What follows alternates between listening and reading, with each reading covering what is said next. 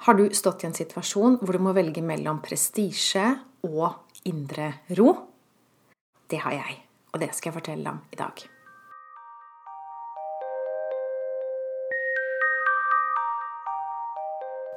Hei, jeg heter Line Strandvik, og jeg jobber online som personlig veileder. Det er noen som lurer på hvilken bakgrunn jeg har, hva slags utdannelse jeg har som har gjort meg i stand til å gjøre den jobben jeg gjør. Og det syns jeg er litt vanskelig å svare på. Fordi det er ikke noen formell utdanning jeg har som gjør meg i stand til å gjøre det jeg gjør. Men jeg skal fortelle deg en historie i dag som kanskje vil få deg til å forstå litt hva jeg har lært i løpet av livet. Så i 2002 så hadde jeg akkurat sagt opp min jobb som sivilingeniør fordi jeg følte at det var noe annet jeg skulle. Jeg visste ikke helt hva, men jeg trivdes veldig godt med yoga, og jeg hadde allerede undervist yoga på et lokalt fitnesssenter og elska det. Jeg har tidligere holdt på med turn i barndommen og sånt nå, så det lå veldig nært for meg å drive med. Og så liker jeg den at det er den der sammenhengen mellom kropp og sinn, og at man jobber med begge deler når man jobber med yoga. Så jeg tenker at kanskje det er en framtidsvei for meg. Jeg har lyst til å bli yogalærer. Så da dro jeg til India. For det er jo det man gjør når man skal bli yogalærer. Trodde jeg i hvert fall. Så jeg dro på en måneds intensiv yoga teacher training eh, sammen med mange indre og noen utenlandske. Vi var en gruppe på 87 elever. Så det var en hel måned med program fra morgen til kveld, og da mener jeg virkelig fra morgen til kveld. Vi sto opp halv fem fordi klokka fem så begynte første aktivitet på programmet, som var meditasjon. Og nå husker jeg ikke helt detaljene, men vi hadde altså et opplegg helt fram til klokka ti på kvelden hver eneste dag i en måned.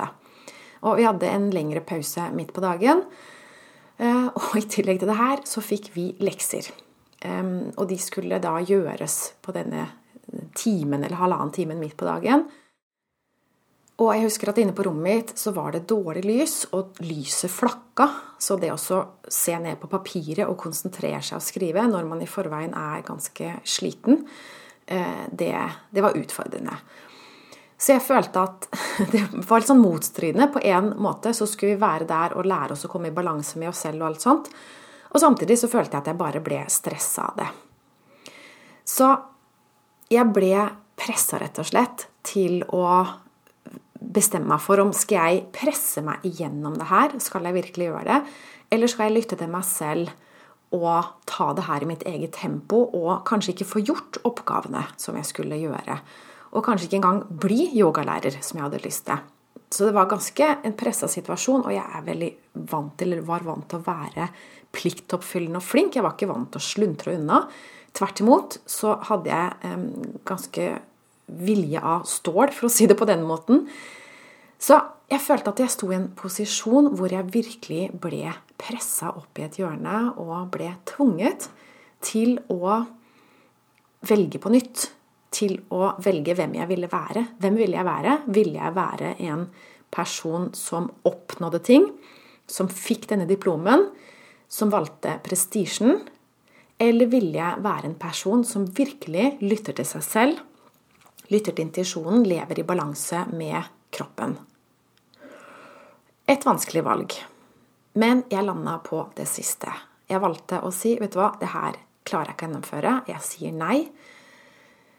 Og det endte med den siste dagen så skulle vi altså Vi satt i et stort lokale, 87 elever. Alle skulle komme opp én etter én for å få diplomen sin, og jeg var den eneste som ikke fikk diplomen. Og det var så motstridende i forhold til det jeg var vant til, den jeg var vant til å være. Jeg var alltid vant til å være mønstereleven som, som gjorde, gjorde, det rette. Og nå satt jeg der og hadde gjort det stikk motsatte. Så det var en stor opplevelse for meg, um, som har forma meg siden. For det det endte med, var jo at jeg dro hjem og jeg begynte å jobbe som yogalærer allikevel. Det betydde jo ingenting. Og faktisk så var jeg en bedre yogalærer, for det var nettopp det jeg hadde lært. At man skal ikke presse seg selv. Man skal lytte til seg selv. For disse papirene som vi gir hverandre, diplomer og utdanningsbevis og alt mulig, det er jo bare papirer. Det er ikke der kompetansen sitter. Så det endte jo med at jeg ikke hadde noe på papiret som beviste min kompetanse, men jeg visste at jeg var en bedre yogalærer enn om jeg hadde fullført alt og fått eh, diplomen. Så sånn kan det være noen ganger. Og når jeg ser tilbake på det Jeg underviste i yoga i hele ti år. Og det var de to første åra at jeg var best som yogalærer. Jeg ble ikke bedre med tiden. Jeg ble egentlig bare dårligere med tiden fordi jeg ikke var like glødende opptatt av det lenger. Jeg fikk litt andre interesser. Så det med utdanning, det fikk jeg et fornya syn på, for å si det mildt. Så jeg ble bedre yogalærer av å dumpe utdanninga som yogalærer. Så jeg måtte gi avkall på prestisjen, og i stedet så fikk jeg indre ro. Jeg kom i balanse med meg selv, og jeg lærte å stole på meg selv. Og jeg lærte det jeg pleier å si, er at intuisjonen, den er det er helheten som snakker til oss. Det er helheten som vet alt utenfor tid og rom. Og helheten visste jo at jeg ikke skulle være yogalærer her i verden. Helheten visste at det var dette jeg trengte å lære for å bli en bedre personlig veileder. For det er det jeg er her for å gjøre. Det er derfor jeg er her.